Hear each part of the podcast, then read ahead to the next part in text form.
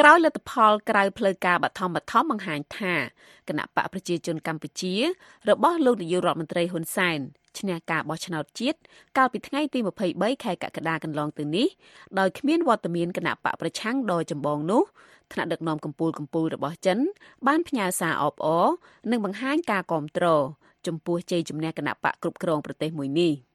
លោកសុកខេមរានៃ VOA ពីរដ្ឋធានី Washington និងអ្នកនាងកាន់វិជ្ជការពីរាជធានីភ្នំពេញជួនកិច្ចសន្ទនាអំពីការលើកឡើងរបស់ថ្នាក់ដឹកនាំកម្ពុជាកម្ពុជារបស់ចិននិងដំណើរការវិវត្តផ្សេងផ្សេងតកតងនឹងការបោះឆ្នោតនេះចាសសូមអញ្ជើញលោកសុកខេមរានិងអ្នកនាងកាន់វិជ្ជការបាទបាទសូមអរគុណចិន្តាបាទសូមជំរាបសួរវិជ្ជការចាសសូមជំរាបសួរលោកសុកខេមរាបាទវិជ្ជការបានតាមដានការបោះឆ្នោតតាំងពី ដូចថាដំណើរការដំបងដំបងរហូតដល់ថ្ងៃបោះឆ្នោតហើយនឹងក្រោយការបោះឆ្នោតទៀតតើមកដល់ពេលនេះការបោះឆ្នោតដែលមានមិនមានវត្តមានគណៈបកប្រឆាំងដ៏ចម្បងចូលរួមអឺ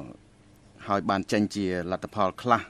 ដែលបង្ហាញថាគណៈបកគ្រប់គ្រងប្រទេសរបស់លោកនាយករដ្ឋមន្ត្រីហ៊ុនសែនបានឈ្នះនាំមុខហ្នឹងដូចជាឃើញមានមន្ត្រីចិនបានបង្ហាញការគ្រប់គ្រងហើយ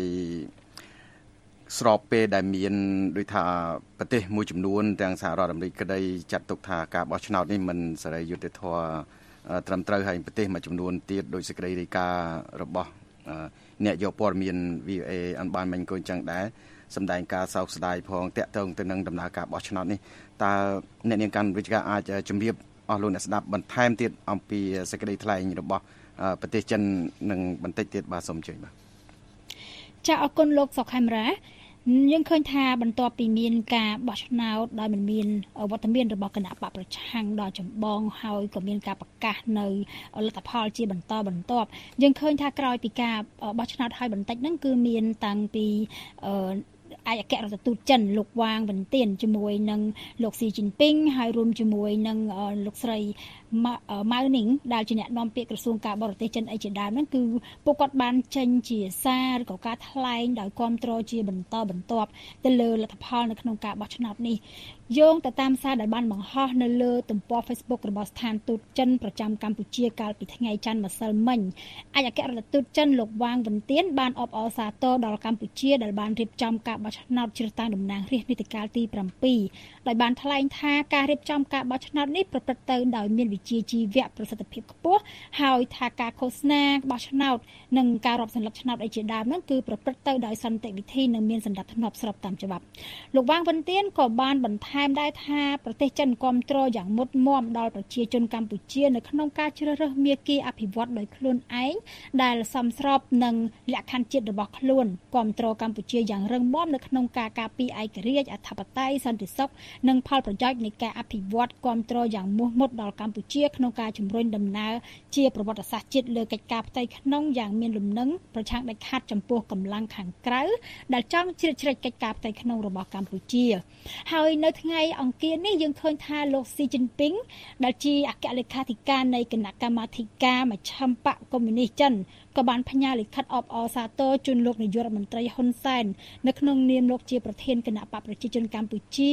ដោយលោកស៊ីបានបញ្ជាក់ថាប្រទេសចិនរីករាយនឹងមើលឃើញថា ក្រោមការដឹកនាំរបស់រាជរដ្ឋាភិបាលកម្ពុជានឹងនយោបាយប្រទេសកម្ពុជាមានស្ថិរភាពសេដ្ឋកិច្ចនិងការអភិវឌ្ឍជីវភាពរស់នៅរបស់ប្រជាជនកាន់តែប្រសើរឡើងឋានៈអន្តរជាតិនិងក្នុងតំបន់ត្រូវបានលើកកម្ពស់ជាបន្តបន្ទាប់ហើយលោកស៊ីក៏បានបន្ថែមថាប្រទេសចិននិងកម្ពុជាគឺជាសហគមន៍រួមវាសនាតែមួយឯជាដើមយើងឃើញថាសារដែលផ្ញើដោយមន្ត្រីជាន់ខ្ពស់និងថ្នាក់ដឹកនាំចិននេះគឺខុសគ្នាដាច់ស្រឡះតែម្ដងពីសាររបស់បណ្ដាប្រទេសកាន់លទ្ធិប្រជាធិបតេយ្យធំធំដូចជាសហរដ្ឋអាមេរិកអូស្ត្រាលីចក្រភពអង់គ្លេសអីជាដើមជុំវិញនឹងការបោះឆ្នោតនេះយើងឃើញថាពួកគេបានបង្ហាញអំពីក្តីបារម្ភហើយនឹងការរិះគន់ផ្សេងផ្សេងគ្នាចំពោះទិសដៅនៃដំណើរលទ្ធិប្រជាធិបតេយ្យនៅកម្ពុជាអីជាដើមចា៎បាទសូមអរគុណអ្នកនាងការវិជ្ជការអញ្ចឹងបើសិនជាមានដូចថាប្លុកថា2ទៅចុះវាមានច្រើនប៉ុន្តែនិយាយថា2ទៅចុះដូចថាមានការចេញសេចក្តីថ្លែងការណ៍អំពីរឿងនយោបាយកម្ពុជាផ្សេងគ្នាអញ្ចឹងតើអ្នកជំនាញអ្នកវិភាគអីយល់ឃើញយ៉ាងម៉េចហើយ តាក់ទងទៅនឹងដូចថាដំណើរការបោះឆ្នោតឬក៏លទ្ធផលបឋមបឋមក្រោយផ្លូវការដែលជាពិសេសគឺការលើកឡើងរបស់មេដឹកនាំជាន់ខ្ពស់នៅក្នុងរដ្ឋាភិបាលចិនយ៉ាងដូចនេះបាទ ចាអរគុណលោកខេមរានឹងខ្ញុំបានសួរទៅកាន់អ្នកដែលគាត់ជាអ្នកជំនាញពាក់ព័ន្ធជាមួយនឹងគេថាបញ្ហានយោបាយរួមជាមួយនឹងអ្នកដែលគាត់ជំនាញនៅក្នុងភូមិសាស្ត្រនយោបាយអីជាដើមហ្នឹងគឺលោកបណ្ឌិតអៀសុផលដែលគាត់ជាព្រឹទ្ធបរិះរងនៃកម្មវិធីថ្នាក់បរិញ្ញាបត្រនិងការអភិវឌ្ឍនៃសាកលវិទ្យាល័យមួយក្នុងរដ្ឋ Arizona ហើយគាត់ក៏ជាអ្នកខ្លំមើលនយោបាយថាជាទូទៅប្រទេសទៅនឹងមួយចំនួនទៀតដែលមិនមានលទ្ធិប្រជាធិបតេយ្យទទួលយកអ្វីដែលកើតឡើងនៅក្នុងការបោះឆ្នោតដែលលោកបានហៅថាជាការបោះឆ្នោតคล้ายៗនៅក្នុងប្រទេសកម្ពុជា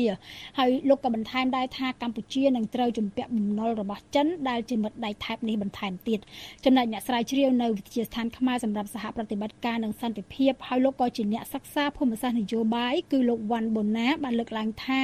សាររបស់ថ្នាក់ដឹកនាំកម្ពុជានិងមន្ត្រីជាន់ខ្ពស់ចិនលើការបោះឆ្នោតនេះគឺបង្ហាញថាចិនកំពុងតែប្រកាសពីការត្រៀមខ្លួនក្នុងការគ្រប់គ្រងទាំងផ្នែកនយោបាយនិងសេដ្ឋកិច្ចដ ល់រដ្ឋាភិបាលកម្ពុជាពីសម្ពាធរបស់អន្តរជាតិហើយលោកក៏បន្ថែមថាការដែលបណ្ដាប្រទេសប្រជាធិបតេយ្យធំធំមានការរិះគន់ខ្លាំងទៅលើការបោះឆ្នោតនេះតែបែរជាប្រទេសចិនប្រកាសគ្រប់គ្រងពីមន្ត្រីជាន់ខ្ពស់និងថ្នាក់ដឹកនាំកម្ពុជាជាបន្តបន្ទាប់បែបនេះហ្នឹងក៏កំពុងបង្ហាញថាកម្ពុជាកាន់តែកំពុងធ្លាក់ចូលក្នុងរបបកុម្មុយនីសនិងឃ្លាតឆ្ងាយពីប្រជាធិបតេយ្យផងដែរចា៎